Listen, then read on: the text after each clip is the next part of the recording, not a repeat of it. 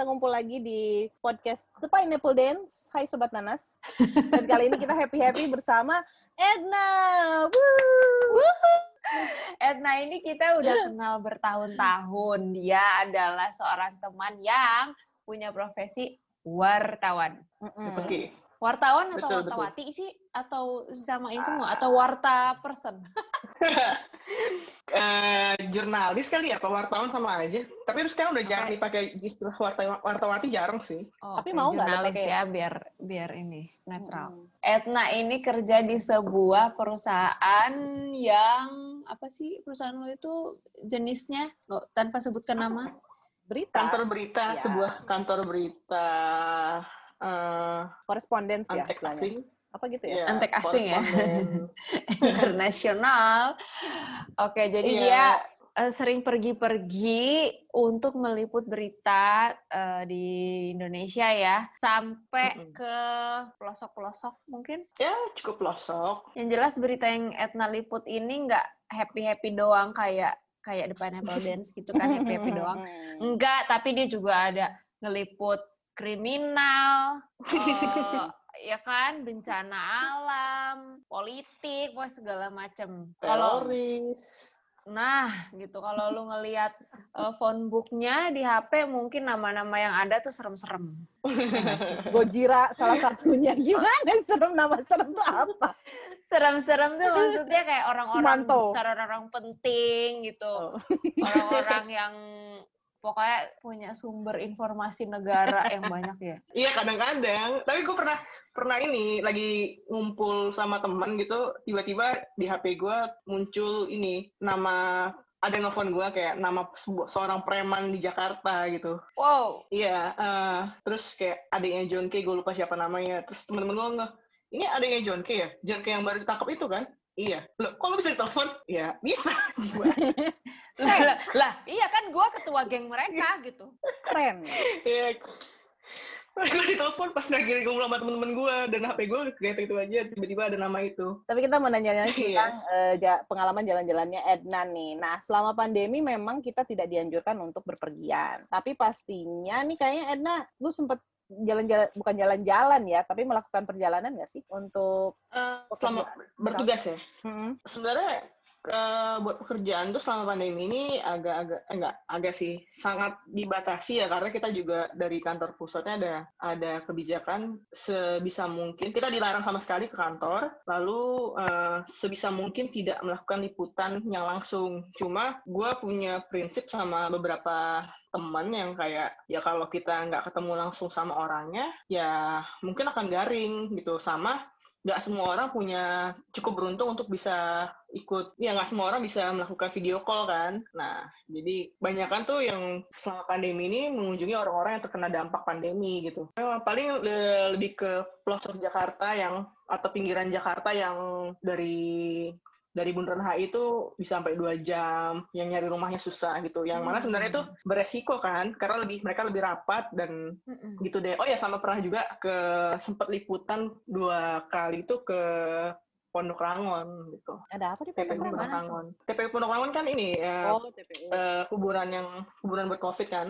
Terus eh, Hmm. itu itu juga lumayan ini sih lumayan dan mewawancarai penggali kubur Hmm. Oh.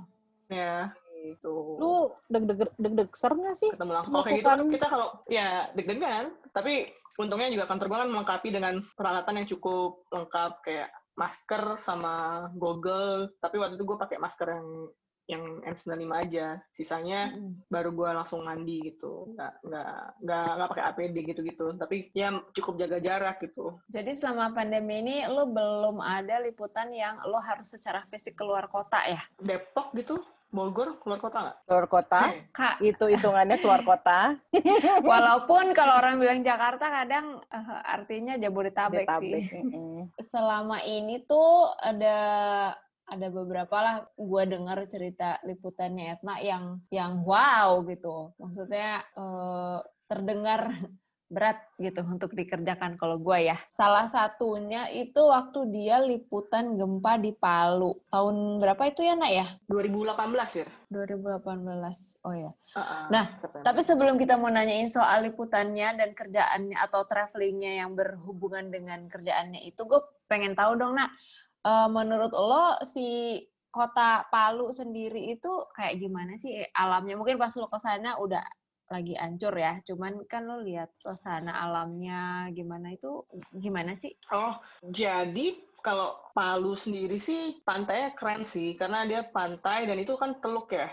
Jadi pantainya dikelilingi oleh daratan lain gitu. Pantai Talise itu Hmm, ya gue ke sana tuh cuma dua kali dan liputan bencana pas kejadian dan pas setahun setelahnya. Hmm. Uh, keren banget. Eh maksud gue, gue seneng. Uh, gue membayangkan itu sebagai suatu pantai yang gue bisa jalan di pinggiran pantainya, uh, bisa bawa anjing gue atau uh, sama teman-teman gitu, jalan kaki di sepanjang pantai Talise itu pasti panoramanya bagus banget gitu kan. Terus uh, dan situ kan gue gue nggak punya bayangan gimana ya, nggak punya bayangan uh, karena gue mungkin sebelumnya nggak tertarik ke Palu ya. Jadi uh, se secakep-cakepnya Palu itu gue cuma tahu yang itu yang yang sudah menjadi natural kembali setelah bencana kan yang pantainya bening, uh, view-nya daratan lain yang perbukitan, gunung-gunung di sekitar Palu gitu kan. Nah, sebelumnya itu ya nggak tahu sama sekali gitu, karena gue belum pernah ke Palu sebelumnya gitu.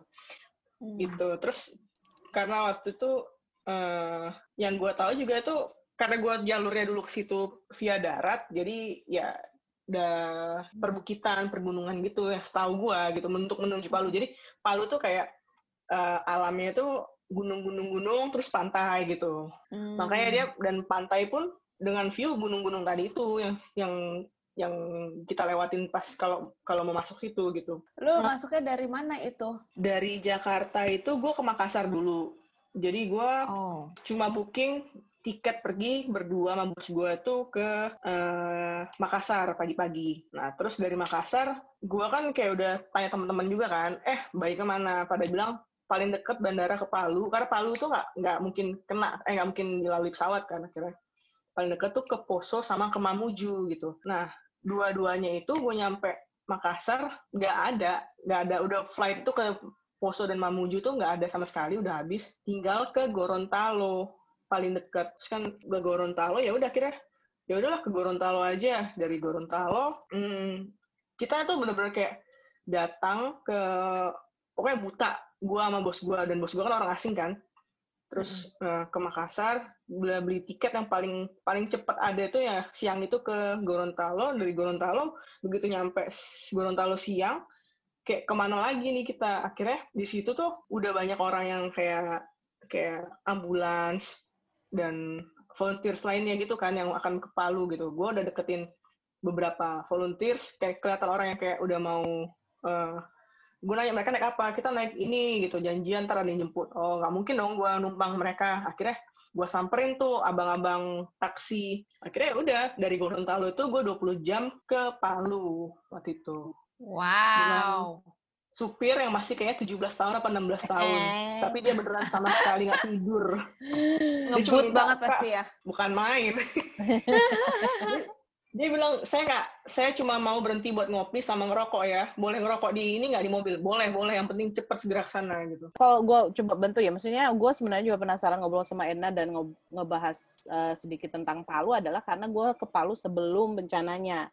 Dan benar kata hmm. Edna gitu itu tuh kayak gue ngebayanginnya kayak ini sih eh, sebenarnya waktu gue nyampe Palu tuh masih utuh ya si Palunya tuh kayak Hawaii gitu enak gue ngebayanginnya karena kan yeah. langsung gunung ya kayak di foto yeah, yeah. Hawaii gitu kan uh, uh, ada potensi bagus sih untuk jadi kota wisata tapi entah kenapa waktu itu ya belum diangkat aja sama pemerintah nggak segitu gencarnya gitu. Hmm. Jadinya pas e, ketika tahu Edna ke sana pas bencana, waduh kayak apa sekarang kotanya ya gitu. Jadi hmm. lu masuk naik mobil lalu bisa sampai ke kota Palunya sendiri atau udah masih di pinggir agak jauh gitu atau langsung ke tengahnya bisa? Gua itu kan pantai Talise itu kan uh, terusan ke arah pokoknya dari sisi yang berlawanan dari jembatan jembatan Palu itu kan yang jembatan kuning itu, itu kan yang ujung yang ke arah Donggala kan. Heeh. Nah, ini tuh yang sebelah sananya gitu. Oh, ya, ya, yang ya.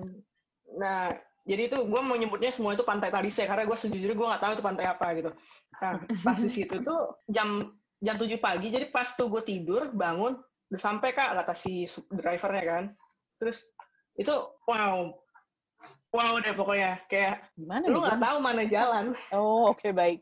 Kayak lu nggak tahu mana jalan. Pokoknya Oh. begitu nyampe eh, jalan itu jadi kan itu kayak ada belokan terus eh, kita udah sempat di, di ini di kayak diarahin nggak bisa jalan nggak bisa jalan. Terus lewat dalam dalam dalam dalam terus keluar lagi pas di pinggir pantai ya itu yang gue bilang wow banget tuh. Itu kita cuma bisa punya jalur tuh mobil dua mepet gitu bukan dua mungkin cuma satu mobil. Terus kiri kanan kita itu udah udah mm, Puing-puing gitu. puing-puing puing kayu, puing batu Hmm. semua dan tiba-tiba terus karena driver gue juga masih anak muda, jadi dia sibuk videoin dan live dari Instagram dia, eh dari Facebook atau apa ya.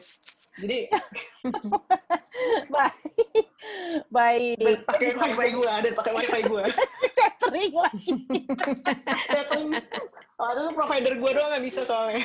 Oke. Nah, terus eh, lagi jalan, kita duduk, eh kita duduk mobil maksudnya, tiba-tiba, wow ada kapal di jalan, kapal gede. Wah. Nah, terus akhirnya kayak eh, berhenti dulu, berhenti cari cari berita dulu kan, Hmm, cari orang yang bisa cerita. Dia lagi nyari-nyari eh, nyari-nyari barangnya lah gitu kan. Tapi keluarganya masih ada gitu. Sempat ceritain gimana kejadiannya. Terus kalau ya gimana ya? Di situ gue begitu nyampe bangun tidur ngeliat begitu kan karena tuh bener-bener gue inget jam- banget itu jam 7 kurang gitu jam-jam yang gue bangun tidur kan sebenarnya sehari-hari Hmm. terus bangun lihat pemandangan gitu yang secara visual amburadul wow itu masih belum kena ke mental gue ketika gue nyampe hari pertama gitu kan pas malam bahkan masih masih baik-baik aja begitu Hmm. berasa itu hari keduanya nggak? dan hari pertama itu gue kan kayak kita bawa makanan dari Gorontalo dan gue harus gue punya kenalan dua orang di Palu gitu kan. Hmm. gue ketemu nih kenalan gue yang pertama. Eh, kayak sepupu eh, bukan sepupu ponakan jauh gue lah gitu kan. Hmm. ketemu dia udah ngungsi di bandara dan dia Hmm. waktu itu bidan kan. Jadi kayak ya udahlah dia tahu cara menghandle dan dia lagi tugas di dinas kesehatan setempat gitu. Aman lah gitu. Jadi gue cuma ngedrop makanan dan ketemu kasih tau keluarganya dia udah baik-baik aja. Terus udah mulai kerja. Nah satu lagi sepupu gue gitu sepupu gue ini belum ketemu nih eh, dari hari pertama terus hari keduanya itu udah mulai nih kena ke mental kurang tidur ketemu apa-apa orang suara ambulans orang bingung gitu kan Hmm. terus nggak ada makanan Hmm. ya itu berasanya kayak oh eh, liputan bencana itu ketika hari hanya itu ya lu harus tahu bahwa gimana lu bisa survive gitu. Buat diri lu sendiri gitu karena nggak ada makanan Hmm. akhirnya cari pasar dengan bekal Google Maps gitu kan naik-naik eh, pasar paling deket apa gitu kan Hmm. terus di di pasar itu udah nggak ada makanan layak cuma ada tuh kayak buah-buahan dan roti yang diproduksi tanggal 28 itu Hmm. jadi Hmm. rot- kayak waktu itu semua pisang yang ada nggak yang kita lihat pisang itu kayak kita beli di situ udah sempat ribet tuh gue sama bos gue kayak ngapain nyari pasar ya buat kita makan tapi bos gue kan kayak ya buat kita makan kita nggak punya apa-apa sekarang gitu kan. Yang buat kita belum tahu kita berapa lama di sini sampai kapan kita bisa dapat makan akhirnya ke pasar beli roti tawar yang diproduksi lima hari lalu. Mm-mm. Ya Tapi belum ya. ada ininya belum jamuran. belum. Ah, Belum belum terus kayak gue kan sampai sampai udah tahu wujud roti tawar yang udah lama itu kan ya kayak gitu gitu kan. Gue nanya gue aneh sih waktu itu gue nanya ini udah lama ya berarti roti tawarnya iya di, dibikinnya ya pas kejadian itu. Oh nggak ada lagi makanan kita kata yang jual ya udah gue beli aja itu Hmm. Jadi Terus saya- habis itu lu beli lu beli roti dia yang terakhir terus orangnya juga jadi nggak punya makanan. enggak enggak banyak dia tuh toko roti kenapa jadi dark gitu ya? Ya ampun.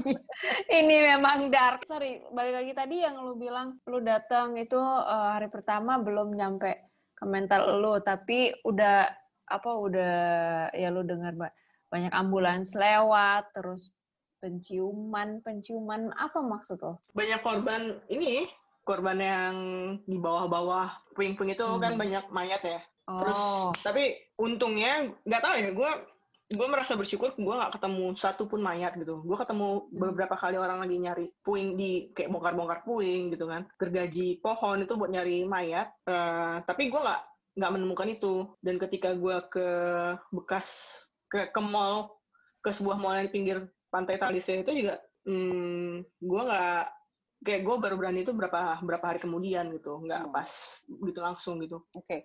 Oh, Tadi gue nangkep, tadi lu bilang bahwa seharusnya orang yang ke tempat bencana harus ada persiapan. Gue boleh nanya nggak sih, ini adalah liputan bencana pertama lo atau lo udah pernah sebelum-sebelumnya? gue pernah jadi ini kan 2018 terus tapi sebelumnya itu gue liputan bencana 2010 itu ke Merapi bukan sih? eh, Sinabung ke Oh, iya ke Merapi iya Hmm. Iya kan lu 2010. pernah yang ke itu Anyer.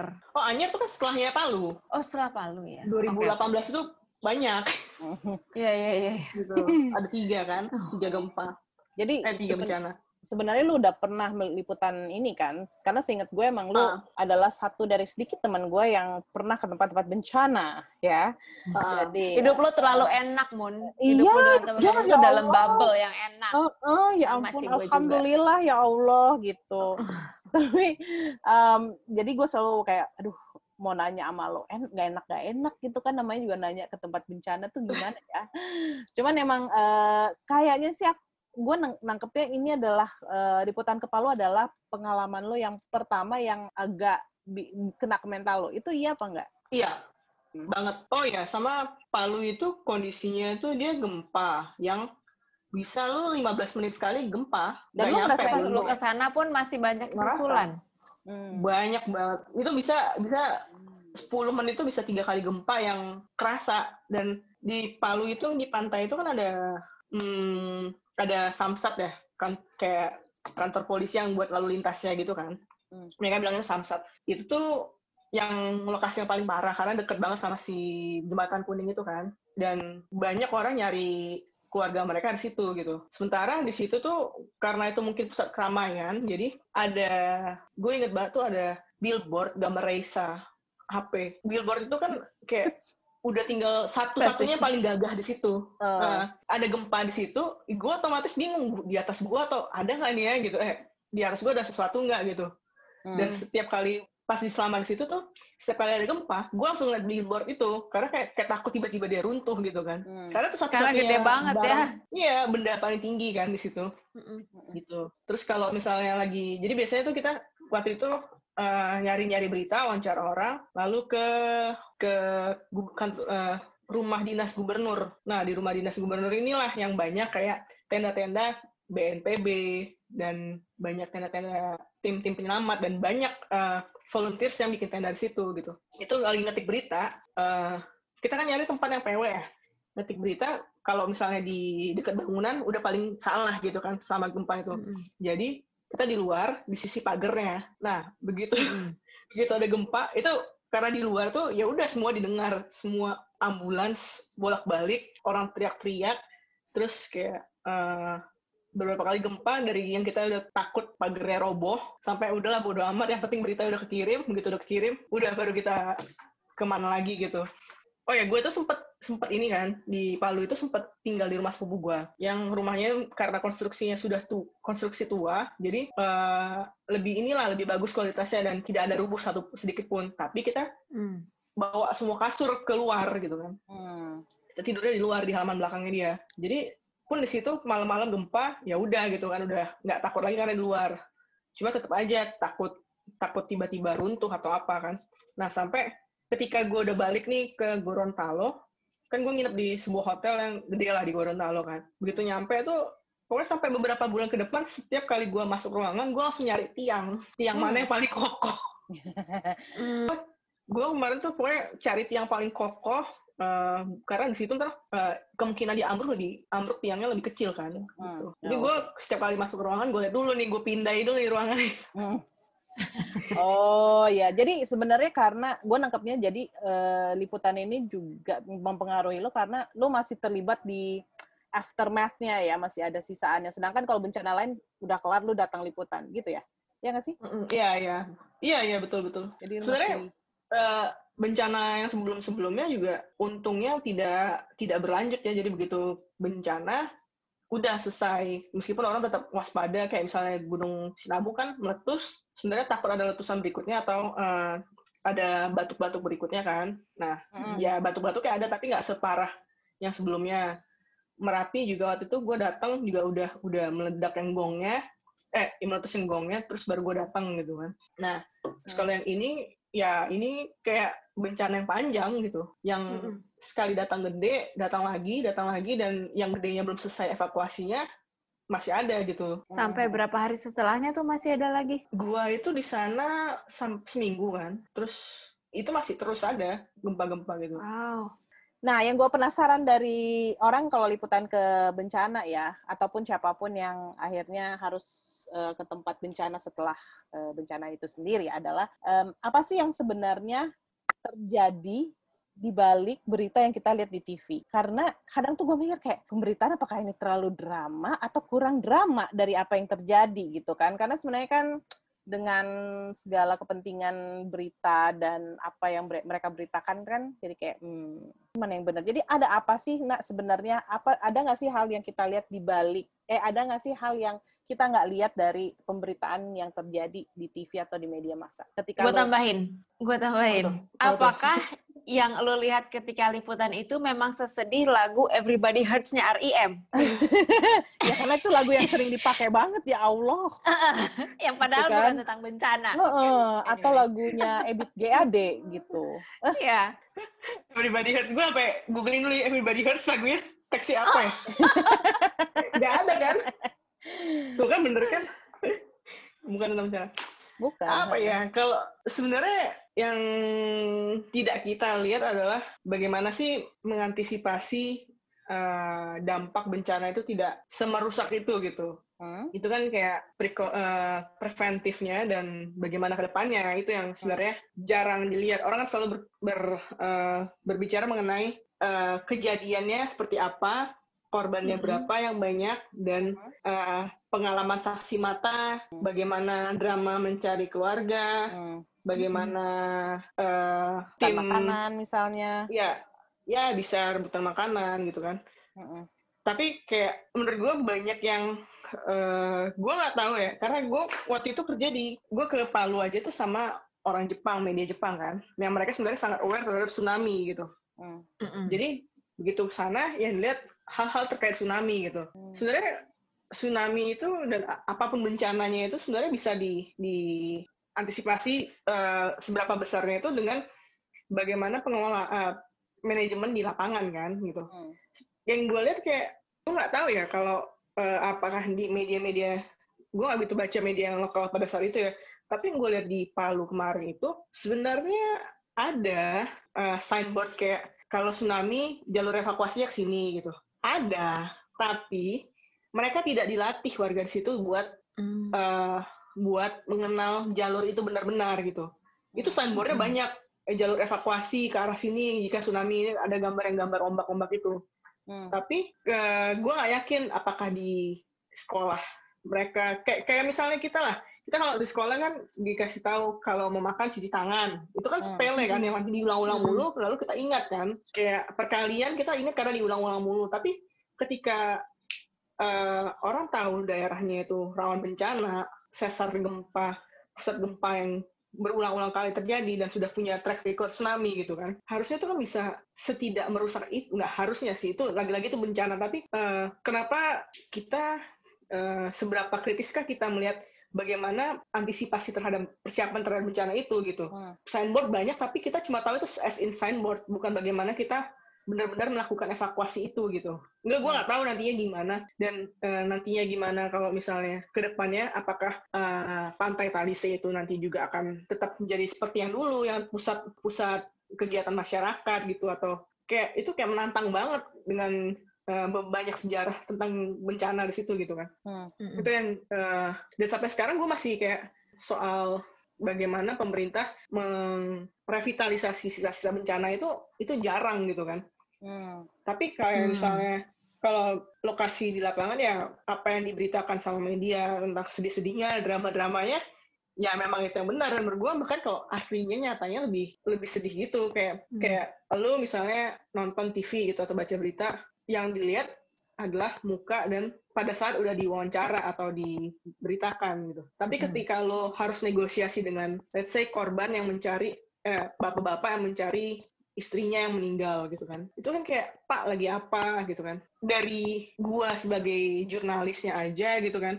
Itu tuh nanya orang yang lagi nyari lu tahu tuh orang nyari istrinya atau keluarganya karena udah langkahnya udah gontai terus dia jalan sendiri ngelihat itu kayak Pak lagi ngapain harus buka omongan gitu aja tuh berat gitu Hmm. dan itu berkali-kali karena karena kita kan kayak nggak mungkin nanya satu orang kejadian gimana dan itu berulang kali eh, nanyain orang dengan pertanyaan yang sama Pak lagi apa? Buka pembicaraan. Mau nggak kami dari ini? Mau wawancara? Boleh nggak? Bapak lagi apa? Itu puluhan orang lah udah kayak gitu kan. Bagaimana dia cerita tiba-tiba iya mertua saya akhirnya lepas dari tangan saya ikut masuk ke lumpur. Itu orang mungkin bisa ngeliat cerita, tapi bagaimana si wartawannya sendiri bernegosiasi dengan narsum sum- sampai dia mau ngomong, sampai dia terbuka dan kita itu yang yang nggak bisa, gue nggak bisa menggambarkan itu di berita gue gitu kan. Hmm. Mungkin gue bisa menggambarkan itu kayak di sosial media gue doang gitu. Dan Hmm. baik kayak tadi misalnya gue bilang kayak gue datang porak-poranda visual, tapi gimana cara lu merekam bau mayat di mana-mana itu supaya orang bisa tahu itu susah gitu. Hmm. lo harus datang sendiri ke situ. Gitu. Jadi ya gue bisa bilang kalau mungkin guanya yang lebay tapi di lapangan tuh lebih lebih kacau lagi keadaannya lebih dramatis lagi. Itu menarik sih. Ada satu hal yang tentang ya seingat gue memang banyak tem, apa eh, signage untuk apa evakuasi tsunami ada beberapa tanda peringatan gitu ya dan ternyata ada apa eh, ada bolong gitu antara tanda-tanda itu sama peng- pengertian penduduk setempat gitu ya tentang apa yang harus dilakukan padahal itu kan sebenarnya udah kayak rencana panjang dari sejak Aceh ya itu kan sejak Aceh Mm-mm. semua kapok terus semua pantai dipasangin signboard Iya. apa segala macam gitu and Bahkan it hasn't worked. Hmm. Iya, benar-benar. kayak misalnya lu ke pesawat lu nyampe pesawat ngapain? Nyampe pesawat lu duduk terus ngapain? Lu baca nggak? Kartu eh, itu Baca. keselamatannya Hmm. kartu. Gue sih baca ya. Gue gue baca. gue cari gue cari beneran jalurnya ke mana karena ya kalau kenapa-napa ya harus tahu kita nyelamatin diri kita gimana gitu kan. Hmm. Jalurnya ke mana apa yang harus kita lihat ya itu gitu gue nggak nggak nggak nggak tahu sih berapa banyak orang yang benar-benar baca itu gitu Gue baca, tapi gue juga ngebayangin kalau ini terjadi, gue inget nggak ya apa yang gue baca ini? betul juga Jadi sih udah panik aja. Ya Gue biasanya lihat itu dari pramugari karena setiap pesawat kan beda kan. Yang gue lihat tuh Hmm. dia nunjukin ke mana. Ketika dia nunjuk, oh Hmm. gue lihat langsung, oh ini emergency exit-nya. Kartunya biasanya setelah peragaan baru gue lihat-lihat gitu. Karena setiap pesawat beda sih ya ceritanya sih begitu.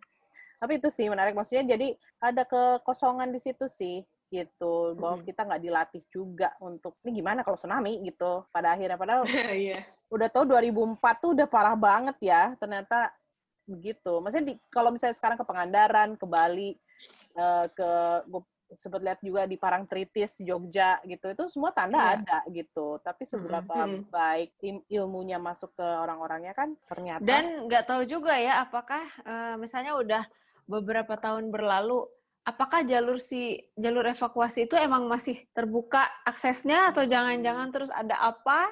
Udah banyak semak atau apa orang nggak bisa lewat kita nggak tahu juga dari pemerintah setempat Mm-mm. tuh ngerawat jalur itu apa enggak ya? Iya. sempat Cuma kemarin tuh pas pas pas tsunami itu karena ya gue tadi bilang kan kalau bos gue tuh orang Jepang. Dia sampai nanya, kalian di Indonesia diajarin berenang nggak sih pas jadi pelajar? Men, sebuah kita negara kepulauan. misteri. Kita kan negara kepulauan yang bisa berenang itu, yang belajar berenang itu cuma pelajar-pelajar yang sekolahnya menengah ke atas gitu, yang punya pelajar renang. Mm-mm. Eh, gue Kita negara tuh juga kepulauan. dulu belajar sekolah tuh mengharuskan pelajaran renang, tapi gue nggak bisa bisa. Jadi gue akhirnya baru bisa berenang pas sudah mulai kerja karena gue pengen aja. sama anak pulau anak pulau biasanya bisa yang pinggir pulau pinggir sungai sih bisa tapi harus anak Uh-uh. kampung banget kayak Ya, Heeh. anak yang udah nggak- nggak takut takut acan mati gitu kayak Iya, biasanya yang kayak, emang "Oh, hiburannya, yang emang hiburannya itu ya. hmm, Heeh. ekstrim Terus kan- terus gue gue gue nanya sama bos gue itu, kalau lu gimana? Iya kita setiap pas SD beda belajar renangnya, SMP beda, SMA. Iya. SMA lu tau gak cara gimana? Dia cerita gini, SMA gue harus bisa berenang dengan baju gue sehari-hari. oh. Jadi dalam kondisi Oh. bener-bener itu kan berat kan masuk Ah, iya, iya, iya. akal, masuk akal. Cuy. wow kita banyak kurang ya senca- secara infrastruktur dan human sources-nya juga Hmm. kayak agak-agak ada yang banyak banyak yang bolong gitu Sobat Nanas, please belajar berenang sebagai anak eh, maritim. Buat yang di gunung bukan alasan kalian tidak bisa berenang. Kolam renang banyak sekarang. Meskipun banyak loh di gunung. kita belum buka ya. Kalau di gunung itu apa namanya? Kalau di gunung eh, yang Curug. air panas, sumber air panas. Itu berenangnya. itu berenang. berenang emang Kalau buat anak kecil kan bisa berenang di situ.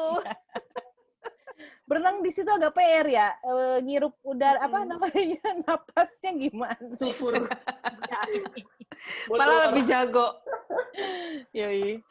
Ah, Oke. Oke, nah ada pertanyaan lagi nih, Etna. Sebenarnya kita tuh pengen tahu kalau kita mau jadi sukarelawan untuk ke tempat bencana tuh harus mempersiapkan apa aja. Cuman kan lu kan ke sana sebagai jurnalis ya, ya agak-agak beda lah pasti kebutuhannya sama sukarelawan. Oke, dari lu deh, dari pengalaman lu nih, udah beberapa kali ke apa liputan bencana alam. Berikutnya, kalau misalnya ya semoga sih nggak ada ya. jangan Tapi dong kalau iya, tapi kalau misalnya ada lagi tuh apa persiapan lu yang eh, akan berbeda dari sebelumnya gitu? Siapa tahu kita yang mau jadi sukarelawan juga bisa niru gitu. buat gua sih yang penting tuh obrolan pribadi terus sleeping bag itu harus ada gitu terus Hmm. sleeping bag terus baju-baju yang cepat kering sih karena lu nggak mau dong bawa baju basah keringet atau lu keguyur hujan gitu sama Mm-mm. kalau punya tenda kayak gue kalau misalnya sampai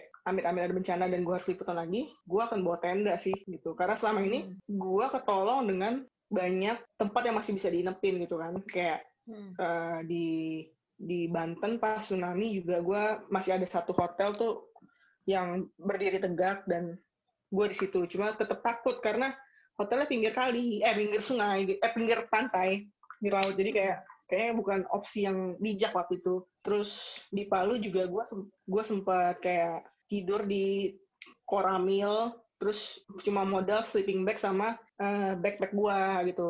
Gitu. Tapi kayaknya untuk ke depannya gue akan bawa tenda sendiri buat diri gue sama bahan makanan yang lebih sih gitu. Ini sih gue sempat belajar kayak ada tuh kalau misalnya di Basarnas atau di tenda-tenda sukarela uh, volunteer-volunteer gitu ada makanan-makanan logistik yang cuma gue nggak tahu namanya namanya apa yang buat buat bencana dan buat tentara biasanya jadi dia Oh. cuma gepeng kayak Hmm. kayak Hmm. ya Kayak makanan kotak kotak gitu. gitu, Heeh. kotak gitu tapi Iya, makan iya, itu iya. kenyang gitu Mm-mm. kayak gue akan Iya, bermain iya, gitu iya. deh Heeh. Nggak nggak enak tapi kenyang ya dan bergizi Ah. mungkin.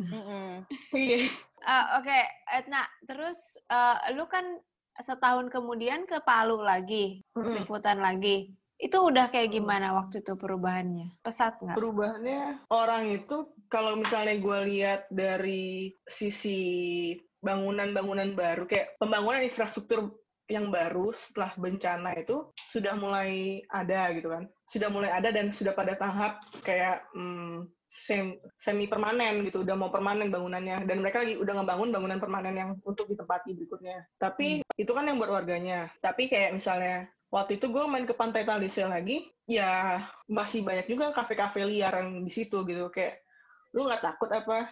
Karena pas gue ke situ tuh itu pantai itu benar-benar masih cuma ya bisa dilewatin pinggirannya gitu kan. Tapi udah hancur udah udah ketahuan itu bekas hancur porak-poranda dan eh, ngapain sih di situ? Nggak tahu kalau misalnya ntar tiba-tiba ada gempa lagi atau ya sangat mungkin terjadi gitu mall juga udah buka mungkin tidak seramai dulu tapi udah mulai bergerak lah perekonomian orang situ. Cuma masih ma- memang masih banyak orang yang kayak kehilangan pekerjaan lalu akhirnya ya buka tenda-tenda liar di pinggir pinggir pantai waktu itu. Tapi itu 2019 gue nggak tahu sekarang ya keadaannya gimana. Gitu. Terus em, eh, ya sepanjang pantai udah bisa dilalui dan apa ya udah lebih rapi lah. Eh, dan masyarakat yang tadinya kehilangan hmm, kehilangan tempat tinggal di karena pas gue datang 2018 kan gue benar-benar di pusat hmm, bukan pusat bencana ya di tempat yang dulunya pusat keramaian pusat kota gitu. Lalu kena libas uh, tsunami, gempa dan tsunami akhirnya hilang kan. Nah, 2019 tuh gue lebih ke tempat-tempat yang sebelumnya gue belum pernah gitu. Hmm. Yang lebih ke pemukiman orang yang bener-bener kayak nelayan gitu. Nelayan-nelayan yang rumahnya di pinggir uh, di pinggir laut gitu kan.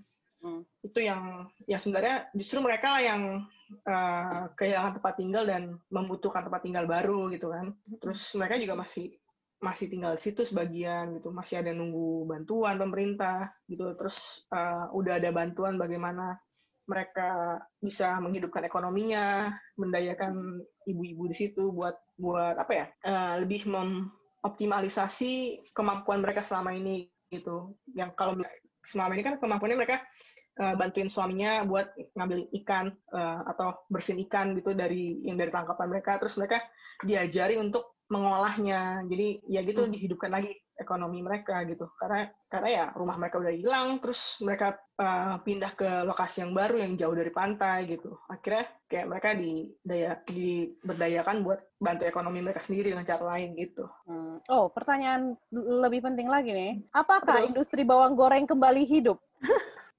Kembali kok bawang goreng oh. terenak itu di di Palu, saudara-saudara. Oh my god, sobat Jauh Nana. banget. Kenapa kenapa sih bawang yes. goreng di sana paling enak? Dia itu garing ya, garing dan uh, tidak terlalu berminyak sehingga bawang goreng itu tetap renyah sampai bisa sebulan berbulan apa selamanya sampai Jadi sampai... apakah yang bikin enak itu bawang hasil di sana atau cara mereka mengolahnya? Tidak yang tahu. Beda, yang membedakan dengan tempat oh, lain kalau rasa aja sih kalau rasa paling paling juara sih terus dia tuh kayak hmm. gimana ya saya gue sebagai penggemar bawang goreng ya sobat nanas please bear with me sebentar ya.